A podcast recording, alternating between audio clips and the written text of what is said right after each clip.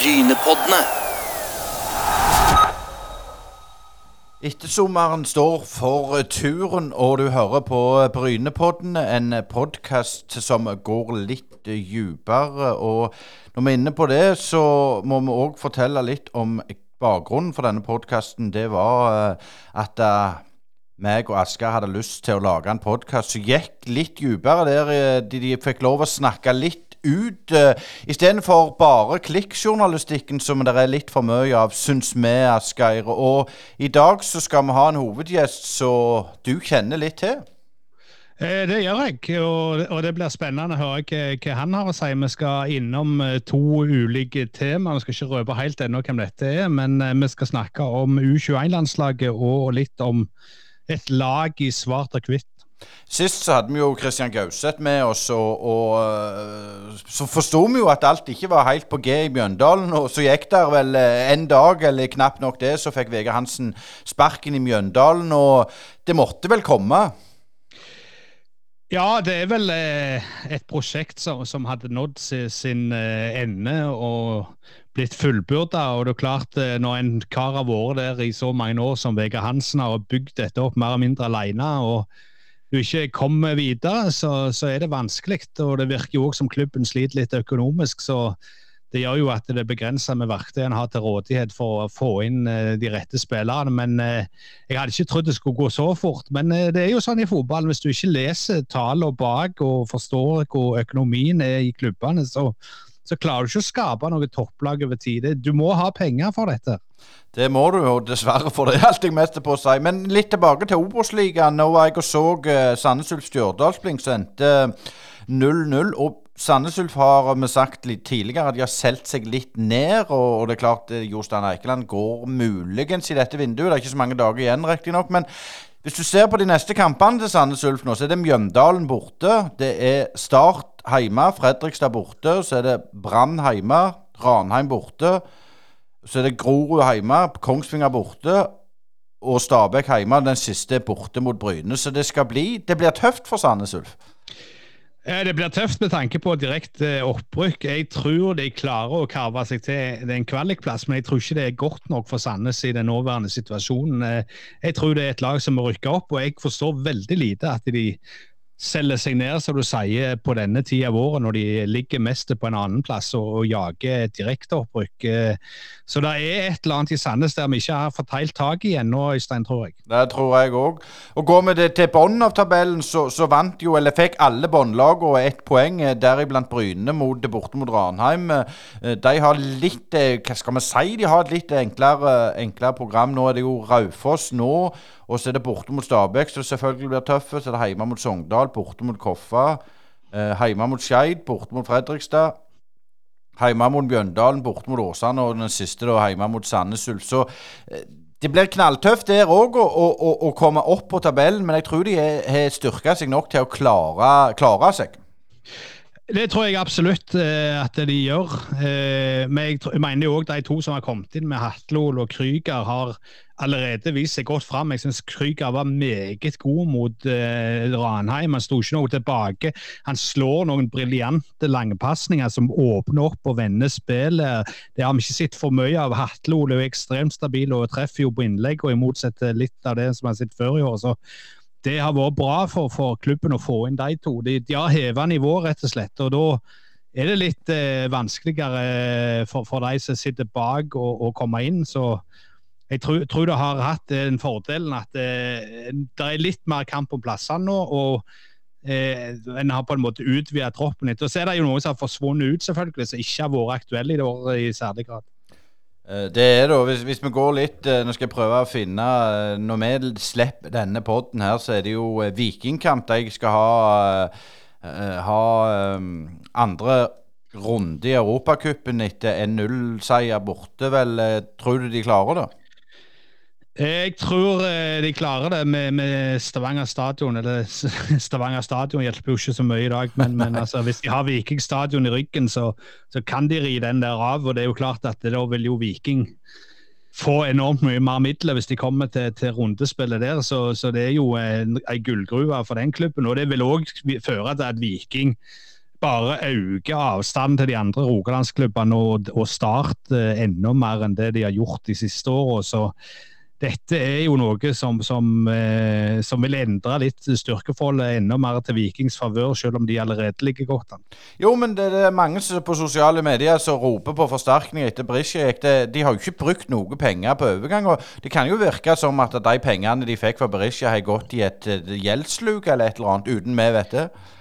Ja, jeg regner nok med at de vil hente inn noe, men det er spørsmål hvem de ser etter, og hva de ser etter. Så eh, I England er det jo sånn at uh, dette er hovedvinduet. I Norge så er det ikke nødvendigvis sommeren som er hovedvinduet, men de trenger nok en, en kar hvis de skal ut i Europa til, til å styrke angrepsrekka. Men for uh, f.eks. unge Karlsbakk er jo en mulighet til å, til å ta noen steg. Jeg ser òg at uh, Eh, de har jo på en måte gitt opp litt og, og kjempa helt i toppen av serien. Bare nå er de vel på en femteplass, tror jeg. Eh, og, og det er litt eh, forskjell der i, i, toppen av norsk fotball. Du har Molde der, du har eh, Rosenborg begynner å komme.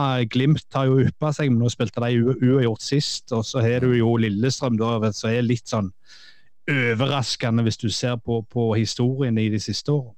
Ja, og nå kan vi vel eh, røpe dagens hovedgjest. Det er Terje Skjellestad. Vi skal ha han om ikke så lenge. Så i slutten på eh, etter, etter, han så kan vi snakke litt om, om Post Nord og Norsk Tippingligaen. For der òg har det skjedd eh, kjekke ting i det siste. Og ja, skal vi ikke bare høre på hva Sogndals store sønn Det er mange store sønner, men en av dem. Her kommer Terje Skjellestad.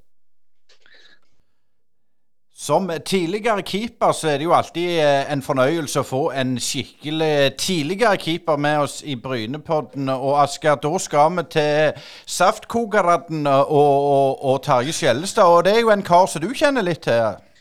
Det gjør jeg faktisk. Jeg har truffet Terje på en veldig hyggelig tur i Jerusalem. Eh, vi var rundt og vada der, og jeg viste U21-landslaget litt historie, og, og, det var fascinerende. Jeg, jeg tror Terje hadde ikke noe varige med han heller etterpå, eller hadde du det, Terje?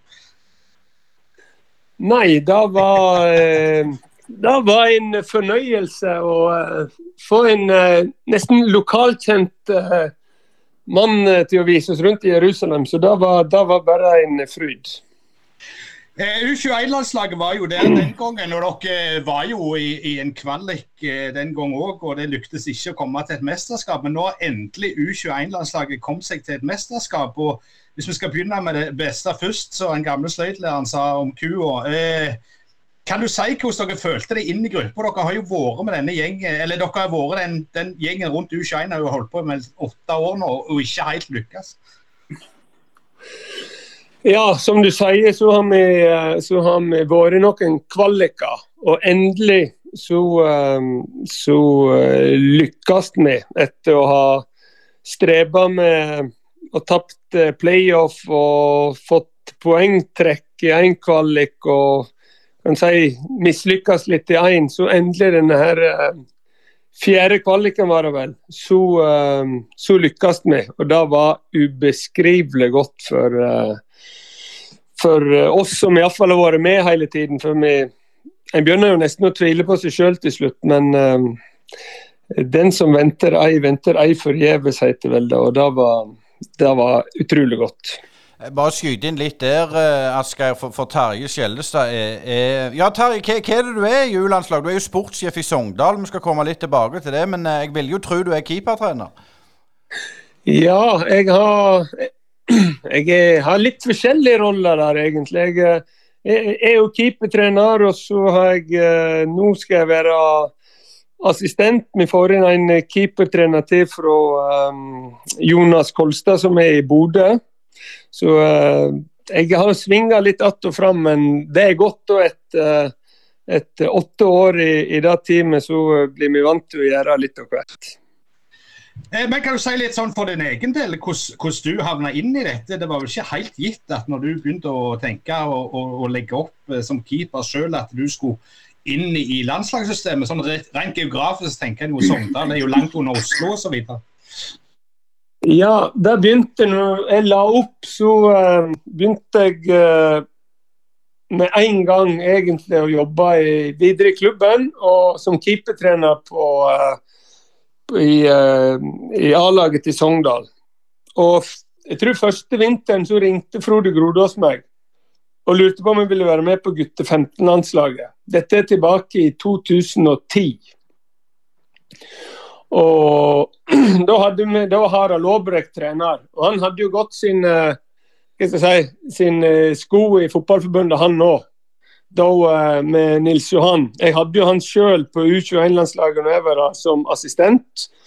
Og uh, Han gikk jo senere på A-landslaget med Nils Johan, så han var veldig klar på at det burde jeg gjøre. Så, så sånn begynte det. Så var jeg vel Fulgte jeg 96-landslaget da i, uh, fra, fra, de var 15 år og opp til 19. Og uh, da tok min tidligere lagkamerat på landslaget, Leif Gunnar, over over U-landslaget i 2014, var det vel. Og Da spurte han meg om, eh, om jeg ville være med. Så det er en, litt sånn veien fram. Men, men U21 kom jo ut av, av, eh, et mesterskap rett før dere tok over med en, en veldig bra eh, bronsemedalje, eller tredjeplass i, i EM i Israel. Eh, hva var liksom følelsen, hva tenkte dere når dere skulle begynne med ny igjen? Kan du si litt om ståa rundt spillerne på den tida, og, og, hvordan dere tenkte til å begynne med? Ja, altså, det var jo nytt eh, for oss alle, på en måte. Altså, Leif Gunnar var jo første eh, jobben han hadde i Fotballforbundet. Han kom jo fra, eh, etter tidligere å ha vært i, eh, sist år i, i Hønefoss. Og en, en ville jo sette sitt preg på det.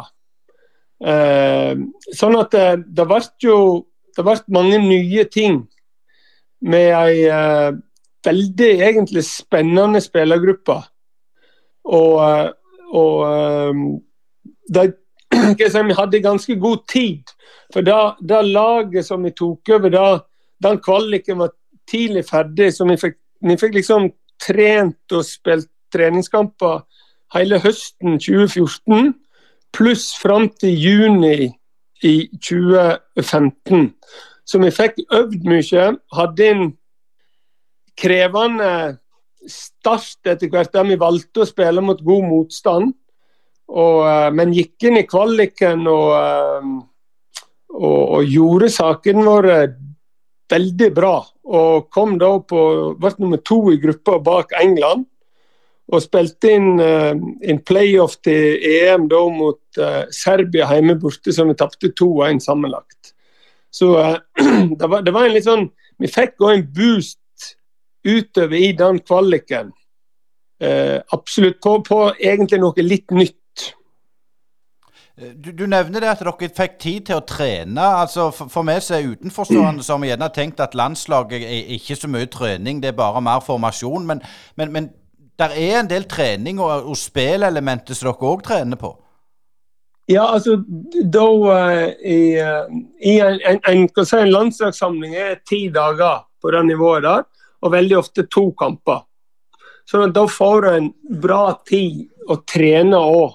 I, I, alle fall når det var treningskamper, så prioriterte vi trening. Og da mener vi sjøl at vi fikk igjen for da uh, ute i kvaliken. Men, men, du sier også at dere, dere valgte å spille litt mot litt god motstand. Dere spilte jo mot England, som jo har òg vært i en prosess der de har på en måte rocka om på hele ungdomssystemet sitt. og har Gareth Southgate sa vel i et intervju nå nylig at under hans tid la den planen, som var målet å komme til semifinaler, finaler osv.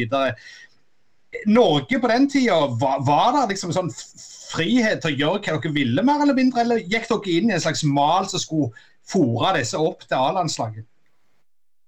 Altså, da med, med, det inntoget når vi kom inn i, i 2014, da, så var det på en måte en litt sånn ny generasjon som kom inn med Leif Gunnar kanskje i spissen. da.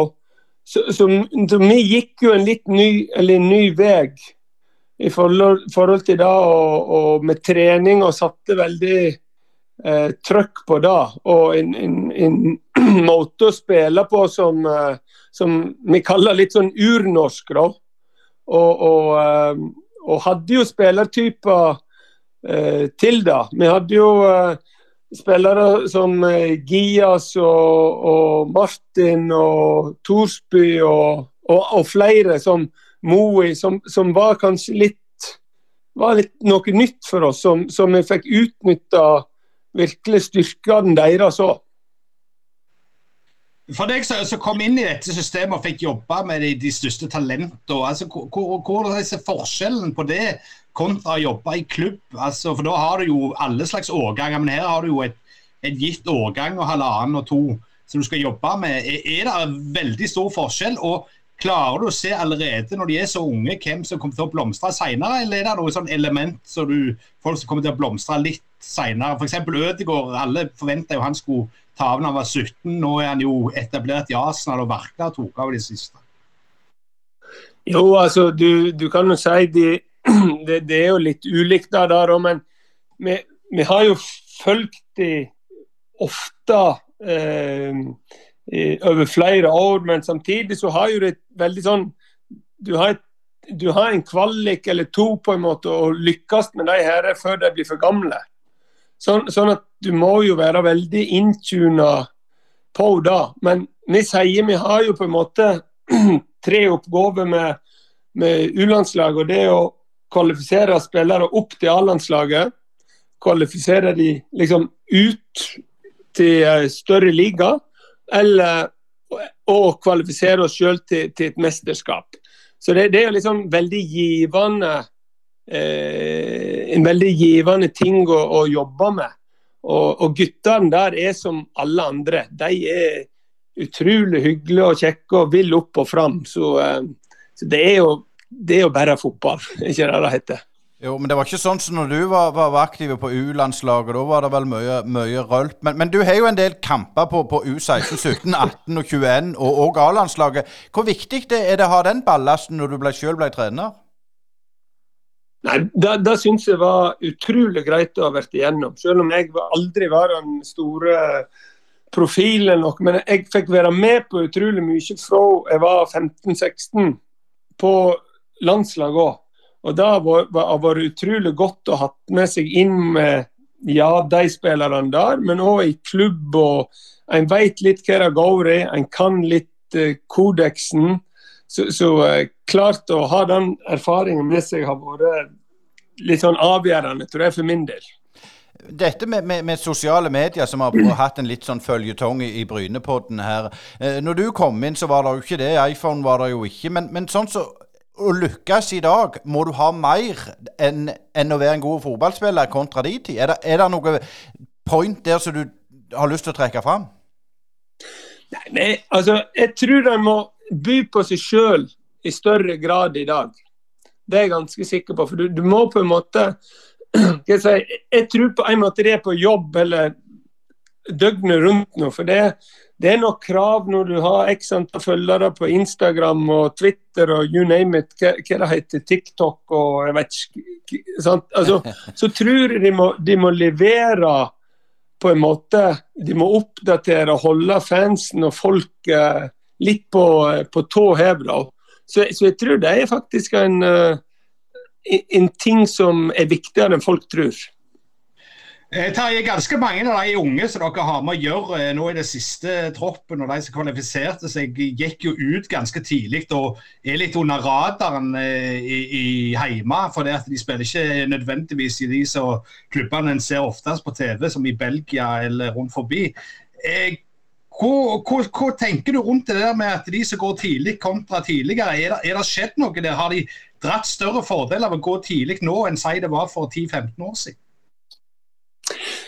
Ja, Det er et godt spørsmål. Vi satt jo og fabla litt om en tenkt tropp nå når vi skal ha samling i september. her. Og, og eh, da, da, sa vi at den troppen blir ca. 50-50. Sånn ut ifra uh, spillere som er innenlands og utenlands. Og mange av de som du sier helt rett, reiser tidlig ut. Og vi merker jo òg at klubbene ute nå kjøper spillerne tidligere og tidligere og tidligere. Altså nå er det, det er mange der ute som ikke har spilt én kamp, kanskje, nesten, i, i norske toppdivisjonen. Før så var det helt umulig. Så, men jeg tror igjen de scouter det og ser det fra de Jeg vet ikke når de er ute. 12-13-14 år på kretslag, landslag. Jeg tror klubber nå har apparat som uh, er enorme. Så, så de ser spillerne mye tidligere. Og Norge har nok uh, gjennom det en har gjort det siste året på aldersbestemt uh, landslag òg, sikkert blitt enda mer attraktivt for, for visse ligaer og scouter tidlig. Men, men mister norsk fotball noe da, når de, når de reiser så tidlig? Ja, det er jo klart at profiler kan jo vi uh, uh, altså Vi mister helt sikkert noen profiler på det. Men så den hva de sier, talentlekkasjen er vel òg fryktelig vanskelig å, uh, å, stoppe. Men aller helst du skulle jo vi hatt det i Norge det hadde blitt solgt mye dyrere ut, som hadde fått kanskje enda mer økonomi inn i, norske, inn, inn i norsk fotball. Det hadde jo absolutt vært det beste. Men hvis, hvis det er en, en ung gutt som reiser f.eks. til Belgia eller Sverige eller hvor det skal være Selvfølgelig er det mye, altså mer midler, vil jeg tro. Dette vet du alt om. Men er det så mye mer lukrativt å reise ut? Er det derfor de reiser? Jeg tror det er, er både òg. Jeg tror jeg er usikker på hvor mye en 15-16-åring, hvis det er det en ser på, eh, tenker på det. Jeg tror det er andre som, eh, som, som styrer det. Um, og um, når de blir litt eldre, så klart når du blir god nok å kunne spille i, i, i de ligaene du nevner, og kanskje større ligaer, så, så, er det klart at det er lukrativt. Men jeg tror jo sånn i utgangspunktet at uh, om en er i Norge uh, litt lenger, uh, så, så, er det, så, er det, gode, veldig gode muligheter i Norge òg. Og så er det selvsagt miljø og omstendigheter som gjør at, at spillere reiser ut. Så fotballen er, er, global og altså Vi alle ønsker vel å, å beholde spillerne sine, men samtidig så jeg, jeg tror det er fryktelig vanskelig å stoppe. da. Det er klart det, Du hadde jo aldri spilt så mange kamper i Sogndal hvis det ikke hadde vært for faren Bjørn, som sikkert betalte de for du skulle forstå. Uh, nei, spøk til sides. Men, men hvor, mye, hvor, mye, er det på, på U-landslagsnivå at det er foreldre som mye på en måte påvirker og blander seg og sånn? Er, foregår det overhodet? Nei, det er heldigvis uh, Heldigvis hører det til sjeldenheten, og heldigvis for det. Så uh, en leser vel om mange ivrige, ivrige foreldre rundt om, men uh, der, eh, akkurat på U-landslag så, så er vel det klare retningslinjer på det. Men, men, har du merka noen sånne tendenser f.eks. i kretssammenheng? Ja, altså foreldre er Det er mange som blir etter hvert rådgivere og skal, skal ta litt styringen da, da, da merker vel en på, eh, på mange nivå. Så, så, eh, og så tror jeg ikke det er nødvendigvis eh, noe gale, men det er viktig her å ha, å ha et profesjonelt forhold til, forhold til det. Det tror jeg er litt sånn nøkkelen. At ikke en blir for følelsesstyrt, for det, det er nok lett før. Eh, dere fikk jo en del eh, medieoppmerksomhet eh, etter at kvaliken mer eller mindre var i boks. Eh, men, men, du kan ikke si at media har ligget tett på U21-laget gjennom åra. Eh, hvordan er det å være i det bildet? Der dere er litt sånn, sånn ja, ja, der, der, er noen som av og til kommer med en kommentar her og der, men, men, det er ikke ofte U21 får oppmerksomhet. Og det er jo tross alt disse folka her som kommer til å trekke på seg A-landslagsdrakten, iallfall en del av de i de kommende år. Nei, jeg skal ikke, jeg skal ikke si at vi eh, med det norske U21-landslaget blir eh, Vi har ikke noe eh, problem i forhold til media på, på trening og på samlinger. Det, det, har vi absolutt ikke. Så jeg merka jo det litt inn mot kamp, men jeg, jeg må si at med alle de profilene vi har hatt opp gjennom året og har nå, så, så kunne nok det har vært bedre dekning på det. og jeg tror, jeg tror absolutt media og folk hadde fått valuta for det, ja. Men når du er inne på det med, med, interessen rundt norsk fotball Nå vet vi jo at Brann var, var oppe på Fosshaugata når det var 4000, og, og det er Men det er en del gresne tribuner med, med en del eh, grå hår. Er, er, du litt bekymra for, for rekrutteringa for å få folk på stadion? Ja, altså det er jo masse å, og konkurrere mot Vi har jo en um, altså, jeg må si Vi har en veldig god TV-avtale og blir sikkert enda bedre, eller helt sikkert bedre med, ved neste korsvei òg.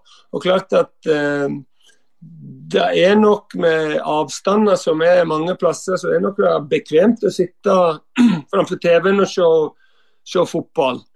Uh, så uh, det, det, er jo en utfordring å, å, å fylle opp stadionene rundt omkring. Da, da, da, tror jeg, og da ser jeg når en reiser rundt, at uh, det er plass til flere enn en det er. Så, men samtidig så er vel det litt opp til oss som driver med det her og lager produkter så bra ut på banen og rundt banen og på tribunen at, at folk går glipp av noe. For da, det er ofte da de kommer. Eh, Øystein er litt kjapp i vendinga her og er jo djupt inne i husholdningssafter. Men, men, eh, kan du si litt om denne avgjørende kampen mot Kroatia? Det, det er jo ikke alle som fikk med seg eh, den. og Dere ligger unna 2-1 til dere spilt nesten 90 minutter. Og så løsner dere må vinne den kampen for å kvalifisere dere. Og så løsner det på overtid med, med to kjappe mål. Hvordan var det for deg, som, som sitter på benken der og, og, på en måte ikke er den som står eh, på linja, men, men personlig, Terje, den der 3-2-seieren eh, mot Kroatia? Det var helt sånn eh, Det var helt surrealistisk. For du var egentlig ute da. Altså, det var ferdig. Det var 90 minutter på klokka, og så er det blir det 2-2, så blir det nesten sånn OK, tapte iallfall ikke. Nå er liksom andreplassen, og så får vi pinadø en skåring eh, en skåring til med Jørgen på bakre stolpe der. Så det gikk jo eh, Ja, det var helt sjukt. Og, og, og da så en virkelig hva det betydde. Jeg tror da gikk uh, til og med doktoren var ute og skallet sitt, så da, ble det helt uh, Det var skikkelig fotballglede på sida der.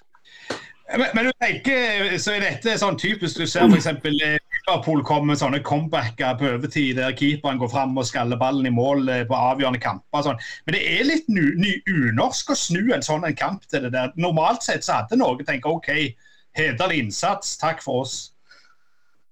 Ja, og det du sier der er helt rett. Og så hadde vi med den 2000 Um, kullet. De de, de har gått til EM både som 17- og 19-åringer og nå. Og det har skjedd litt sånn uh, ut av det blå alle ganger.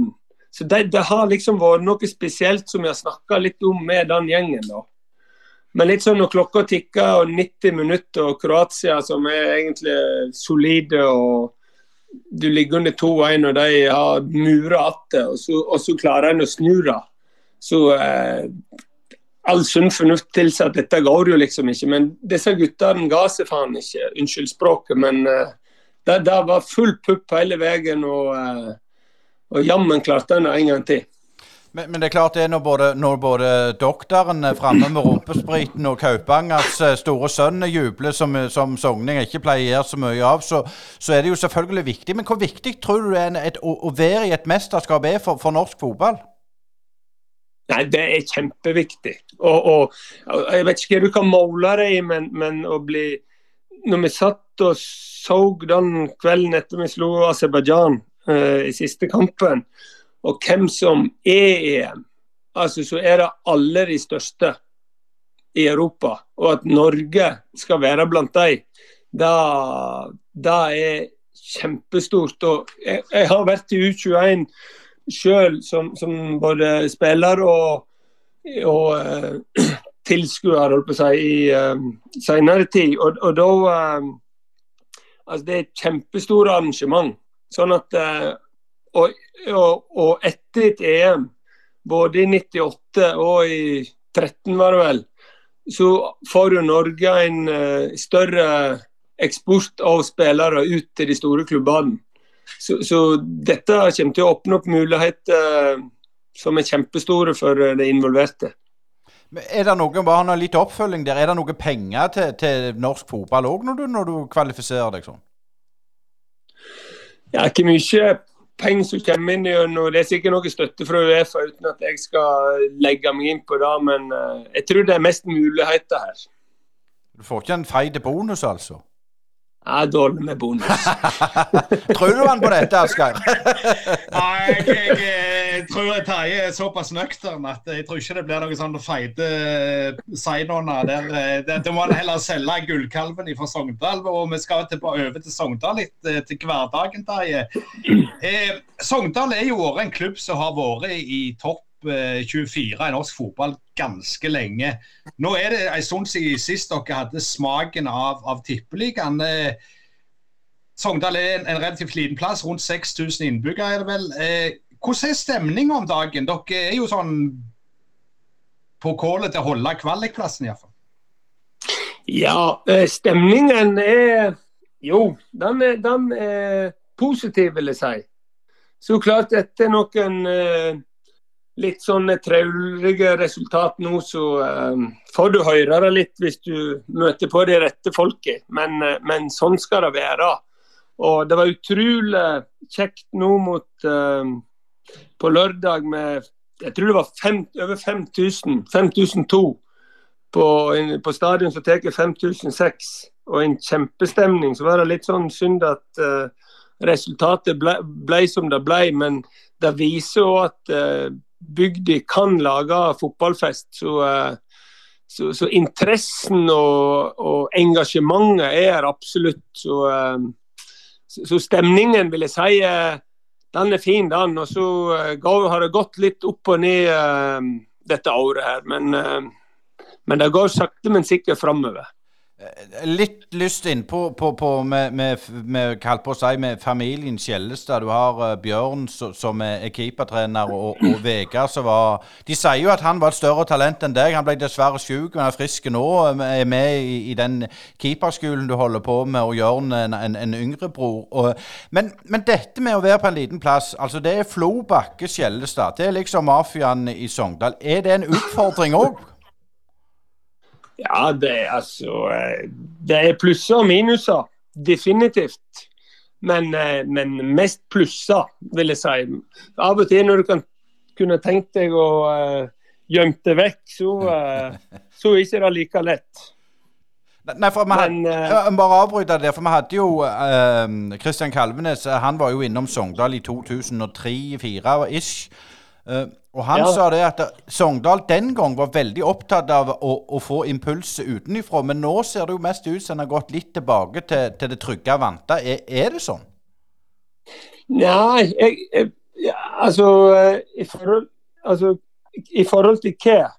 I forhold til å, å hente Jeg, jeg syns vi er ganske flinke å være ute og hente inspirasjon og, og eh, inn, inn, her. Nå sist med med Tor André som eh, kommer inn med en, eh, med en engelsk uh, trener ved sida av seg og liksom har tilført noe nytt.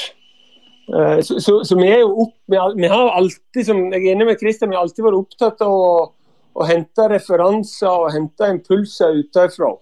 Det har vi. Og jeg, jeg, føler ikke at vi ikke er der nå.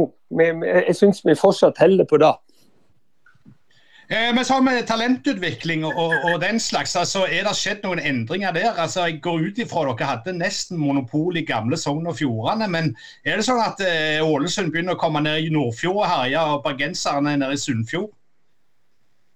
Nei, ikke, ikke så voldsomt. Men det som uh, har vært en, en, forandring nå, det er etter at norsk fotball har systemsatt litt mer da det med talentsatsing. Så med, si, med nasjonale liga så har det vært, et, vært et løft for oss. Vi har bare vært med nå to siste årene.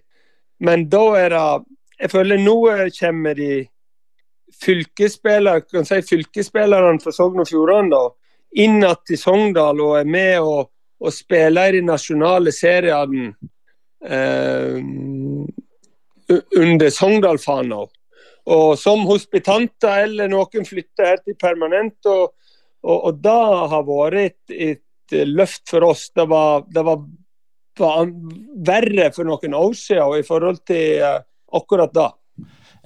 Dette med lokale spillere det er jo en evig diskusjon. sant? De sier at det er ikke nok lokale spillere. det er jo På Bryne er det jo òg den diskusjonen. I Sogndal er det den.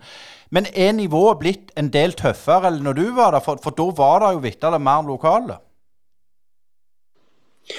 Du Ja, var der altså, som spiller tror- da, selvfølgelig. Ja, jeg, jeg tror jo som um, Hva skal jeg si det, det har jo foran, det, det er jo blitt mer sentralisert alt. Og når for jeg snakker for når jeg kom opp, så, så var jo Sogndal 2 i perioder i den tiden i det som var andredivisjon den gangen. Og da hadde vi jo kanskje Førde, Florø, Stryn, Årdal, Tornado. Altså vi var kanskje fem andredivisjonsklubber i fylket. Og nå har vi i år så har vi to tredjedivisjonsklubber, og resten er i den lokale kretsserien. Så, så klart at eh, konkurransen og dermed nivået er ikke like høyt som det var lokalt. Nei, Det er et godt poeng. Det er noe vi har diskutert her i Rogaland òg. Akkurat det samme, Asker, med, med de gamle klubbene, andredivisjonsklubbene som er i lokale serier. Men Terje, hvis du ser på internasjonal fotball, så er det jo disse eh, eh, firma eller selskaper som kjøper opp eh, klubber i ulike land. Eh, danskene er jo inne i det der bildet. altså Det blir flytta spillere fra barnslig til, Mm. til dansk liga og til fransk liga og sveitsisk liga og gud vet hva. Men, men er det på en måte noe å gjøre der for dere å, å prøve å få noe sånn à la det som var en gang i tida? Altså, Annendivisjon har jo blitt endra, men, men altså å gikk opp nivået i andre klubber, sånn at dere har eh, på en måte en slags kvern som går der, som fòrer dere med, med lokalt talent, som òg får brynt seg mot annendivisjonsfolk i plassen for å si en tredje-fjerdedivisjonsspiller. Så steget opp til, til tippeligaen for fjerdedivisjon er jo mye større i dag enn det var kanskje før. Ja, absolutt. Og det er liksom som vi har snakka om her, og det at eh, vi har jo et andre lag nå som er i, i fjerdedivisjon. Det er jo ikke ideelt sånn sett, i forhold til som du sier, stiget blir for stort. Så uh, kanskje det er noe å tenke på å ha en farmeklubb, men det, det er jo um, jeg, altså, jeg tror vi blir, vi blir for, jeg tror det blir for små uh, det, det blir for lite her til å, til å ha det, altså. Jeg, jeg tror det. Lerum United. Lerum United. Ja. Den var ganske god, den der hørte jeg. Det har du noe mer å lure på? Ja, jeg, jeg, jeg, vil jo litt tilbake til dette. Vi, Vi har jo snakket en del her. Vi har bl.a. snakket om akademiet i, i Viking. Vært litt innom Stabæk sitt akademi. og Hvor ligger dere i den eh, løypa med akademiet? Ja, vi, vi ligger vel sånn uh, høvelig OK. Nå er jo det en ny, uh, en ny klassifisering nå i november. Så der eh, Vi hadde tidligere tre stjerner på akademi i Sogndal. Datt ned på to. Og jobber nå eh, knallhardt og bare håper og tror at vi skal komme tilbake på tre stjerner. Så vi, vi ligger OK i, eh, i løypa der. Men klart, der òg er ganske høye krav på antall spillere osv. Og, så og som du sa innledningsvis, vi er 6000-7000 som bor her, så det er det er òg en tøff hverdag, da. Jeg har litt lyst til å komme inn på, på din eh, karriere, Terje. For den har jo vært formidabel i, i Sogndal med eliteseriespill Obos-ligaspill i, i flerfoldige år. Hvis jeg eh, har, har husket rett, så, så debuterte du i 96, kan det stemme? det? Da 95. 95, ja. Eh, og, og holdt det gående lenge. Eh, men, men, men, du var jo en, en, lokal gutt i, som spilte på et lokalt lag. En av de få som som gjorde det. Er det noe du treker på? Eh, jeg ville jo tro du hadde en mulighet å, å reise til andre plasser av landet, og kanskje utlandet. Ja da, da hadde jeg. Og så uh, var nok jeg sikkert litt uh, feig, lojal jeg, jeg vet ikke hva jeg skal kalle det. Eh, nå en, en par ganger der. Uh, samtidig så Philip, når jeg var på mitt beste år, så var jo vi på noe av det, song, det beste Sogndal våre. Da, da var jo vi i Tippeligaen og, og var en skikkelig bra gjeng som spilte. Og, og mange av oss ble værende. Som hadde nok muligheten til å, til å kunne prøvd noe annet, men, men valgte å bli. Så uh, jeg kan jo si at jeg, om jeg angrer eller ikke, men uh, jeg tenker det får så være. Det, det, er du og Totti, Terje, som er liksom klubbærerne. Ja, jeg og Totti. men, men, jeg vil tilbake litt til dette med, med Fosshaugane. Altså, alle som har vært der oppe og sett, vet dere jo er integrert inn i den lokale høgskolen, eller det er blitt universitet, iallfall en del av et universitet etter hvert. I hvilken grad har dere drahjelp for det? Vi har jo snakket med, med Klepp eh, damelag som har problemer med at de unge forsvinner, for det er ikke noe utdanningstilbud som passer de i nærheten. altså Klarer dere å holde spillere bitte litt lenger fordi at dere kan gi dem en utdannelse rett rundt døra, bokstavelig talt?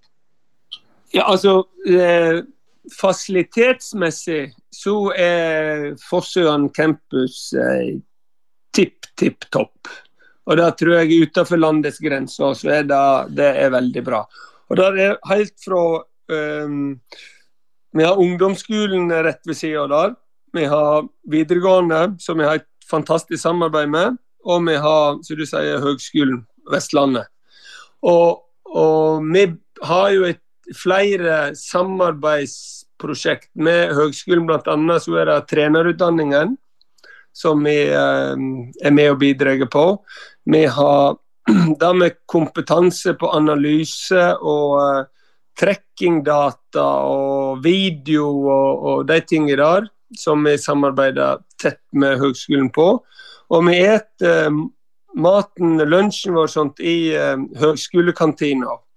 Så, så uh, det er vel skal jeg si, hånd i hanske, Sogndal fotball og høgskolen, som har mye å takke hverandre for. Dere har jo, som, som, alle vet, fått inn Tore André Flo som, som hovedtrener. Og, og, Han var jo i Chelsea-systemet i mange år, og Chelsea har jo et av de beste akademiene i verden, om ikke det beste, eh, for tida. Eh, og, og, dette med sport science, så ligger de helt i front. Eh, hvor mye har han tatt med seg til klubben, altså ny kunnskap som, som ligger litt etterpå i Norge, sånn generelt sett? Eh, Tore har ikke Altså, han eh, han har vel fått bekreftet at vi har en god del av de tingene som han var vant til her.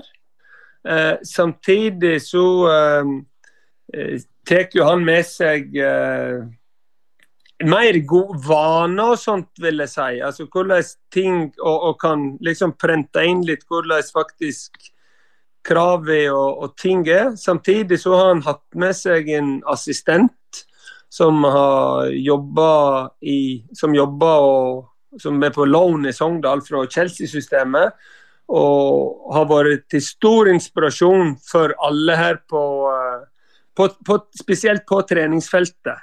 Så, så jeg, jeg, føler liksom det som de først og fremst har, har kommet inn med, det er den enda mer den profesjonelle, faktabaserte tinget. Og så det, har vi fått veldig gode impulser på, på, tre, på treningsfeltet.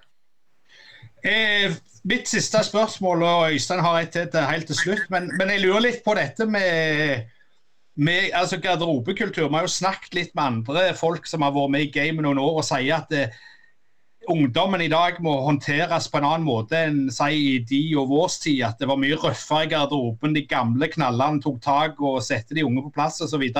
Er det noe du òg merker både på landslaget og i klubb, dette her, at eh, en må behandle ungdom litt annerledes i dag, og de er litt mer kjenslevare enn de var før, kanskje? Definitivt. Og det merker med han eh, guttungen min på tolv her hjemme òg. Så det, du må nesten Det er ikke Jeg, jeg tror hvis vi hadde fått vært helt ærlige og sagt alt som, en, eh, som skjedde i gamle dager, så hadde ikke de trodd på det.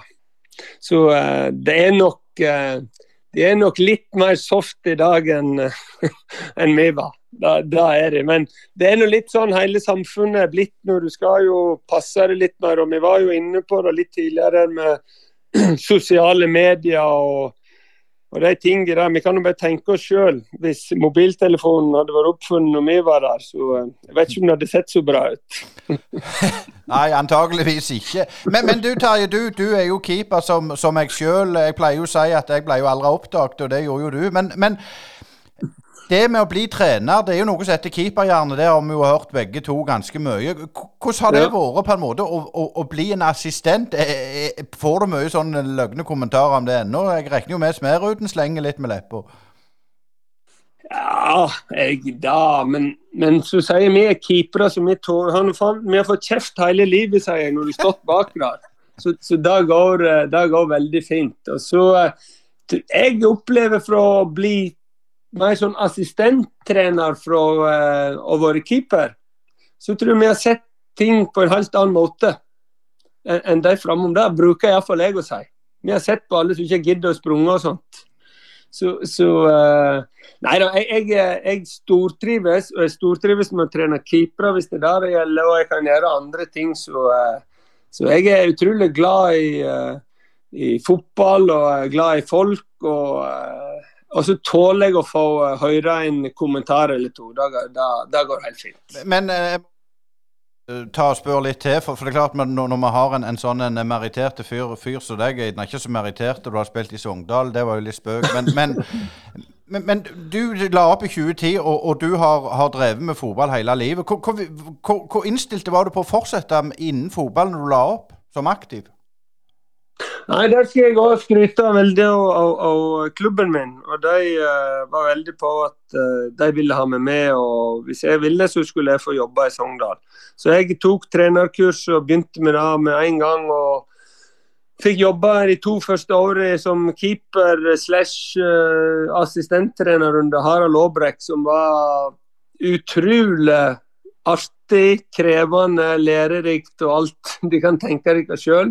Så jeg fikk en veldig god sånn inngang. og Fikk jobbe etter det med Jonas Olsson og Eirik Bakke og Tor Andrén og Leif Gunnar og Øyvind Nilsen på landslag og Bård Flovik. Så jeg har, jeg har fått vært med utrolig masse kjekke og dyktige folk hele veien, og fått stort ansvar eh, alle plasser. Så, så et stort takk til alle de, og, og spesielt til, eh, til klubben eh, her i Sogndal. For det, var den som, eh, som eh, la til rette for at jeg skulle få, få gå den veien.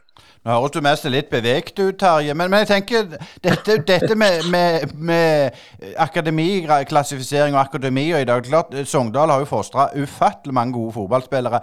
Men tror du at det er mulighet å fostre like mange i framtida med den akademiklassifiseringa som pågår?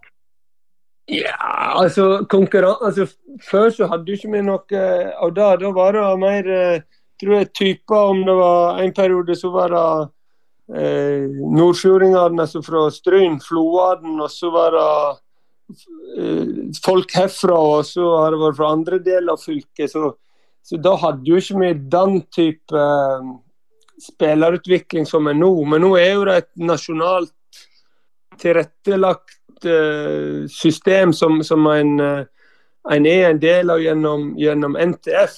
Så jeg tror jo at altså, norsk fotball er jo blitt mye bedre på, på aldersbestemt. Det viser jo i forhold til landslaget vårt de siste årene.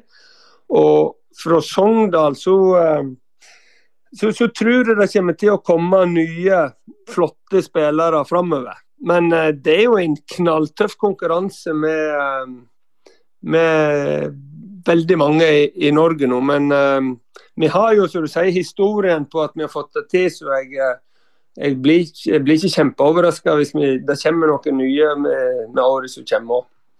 Det var siste spørsmål, det, Terje Skjellestad. Eh, Det er vel sport... Nå må jeg mest si det er litt sånn svar skyldig, men det er sportssjef du er i Sogndal nå, for du har hatt litt ulike roller. Men det er vel det som er den jobben din nå? Nå er vel det altså tittelen nå, ja. Det er det. Det er bra. Sportssjef Terje Skjellestad, tusen hjertelig takk for praten. Tusen takk. Greit. Terje Skjellestad fra Kaupanger, og selvfølgelig en stor kar fra Sogndal. Der, eh, Asker, det var, det var interessant, og, og det var jo sikkert kjekt for deg å snakke med han eh, igjen, for det er vel en stund siden? Det er det. Det er en stund siden jeg snakket med han sist, og, og det er kjekt å høre litt hvordan eh, det har vært med dette U21-landslaget, som jeg eh, har en liten eh, svakt punkt på, pga. at jeg hadde de der trenerapparatet med på tur for lenge siden. og det er jo klart det er kjempekjekt for norsk fotball at vi er i et mesterskap. Det er jo filmen så lenge siden A-landslaget har vært der. Så dette er framtida, de får kjenne litt på hva turneringer betyr. Ja, for jeg forsto det betyr jo vanvittig mye å, å komme til et mesterskap. Selvfølgelig òg for spillerne å, vise seg fram, men, men det får en, en god klang i Europa. Helt klart, og, og det gjør òg at de kommer til å møte bedre motstand nå i, vinduet, landslagsvinduet neste gang. Så skal de vel spille mot Spania, og jeg tror det var snakk om Portugal òg. Det er jo klart det er forskjell å spille mot de lagene og å spille mot lag som, som Tsjekkia og Polen og Ungarn og den slags. Stemmer det. Jeg lovte vi skulle innom Post Nord eh, i utroen her, og det, det, må vi selvfølgelig gjøre litt artig poeng at Asker, Bærum og Frigg ligger på de tre nederste plassene. Oslo-fotballen sliter, og der skal vi ha et lite øye med framover i denne Brynepodden. Men Ullkisa med, med Vegard Landro, de, ikke Vegard Landro, han heter Nå står det helt stilt hva han heter. Ullkisa-treneren. Nå ler du. Han heter Landro, iallfall. Ja, men... Eh, nå står det stilt for meg òg. Ja, men, men, men, de eh, leter, og de, de, har en los på en førsteplass, og Hødd ligger på en annenplass. Eh, ser du på den andre pulja der, så ligger Moss ennå eh, på topp. De har riktignok avgitt litt poeng. Arendal på andre. Fløy på tredje. Så kom Eigersund og så slo eh, sist hjemme 3-2. Så de, de, er fem poeng bak den andreplassen, så de har los på den. Eh, og, og i bånn så fikk Stål Jørpeland en viktig seier og er, er tre poeng bak Vard, men med én kamp mindre spill. Og da er tusenkronerspørsmålet klarer Stål seg? Jeg er litt i tvil om det. For jeg tror, tror Stål er vanvittig sårbar eh, for skader og at folk flytter og den slags. De er litt sånn i tredjedivisjon ennå med tanke på apparat eh, med spillerne og sånn, at det er mye lokalt, og, og da er du sårbare. Eh, men altså det er greit, de, de har jo på los på dette, men Vard eh, kan heller ikke slappe av helt ennå. Det kan de ikke. Så kan bare nevne det at det er Steffen Landro som trener Ullkisa. Selvfølgelig det er det det. Um, ja, da må vi rett og slett snart avslutte her, Asgeir. Og vi må òg eh, oppfordre og støtte oss på VIPS. Dette er en uh, kommersiell podkast som er helt uavhengig av fra alt og alle. Men vi har studio på Bryne, og vi har holdt på siden april 2020. og Vipps-nummeret vårt er 610828. 610828. Det går for det meste til drift og vedlikehold av det utstyret vi har. Og um, det var det vi hadde i denne Brynepodden på gjenhør neste torsdag. Og tusen hjertelig takk for du tok deg tid å høre på oss. Brynepoddene.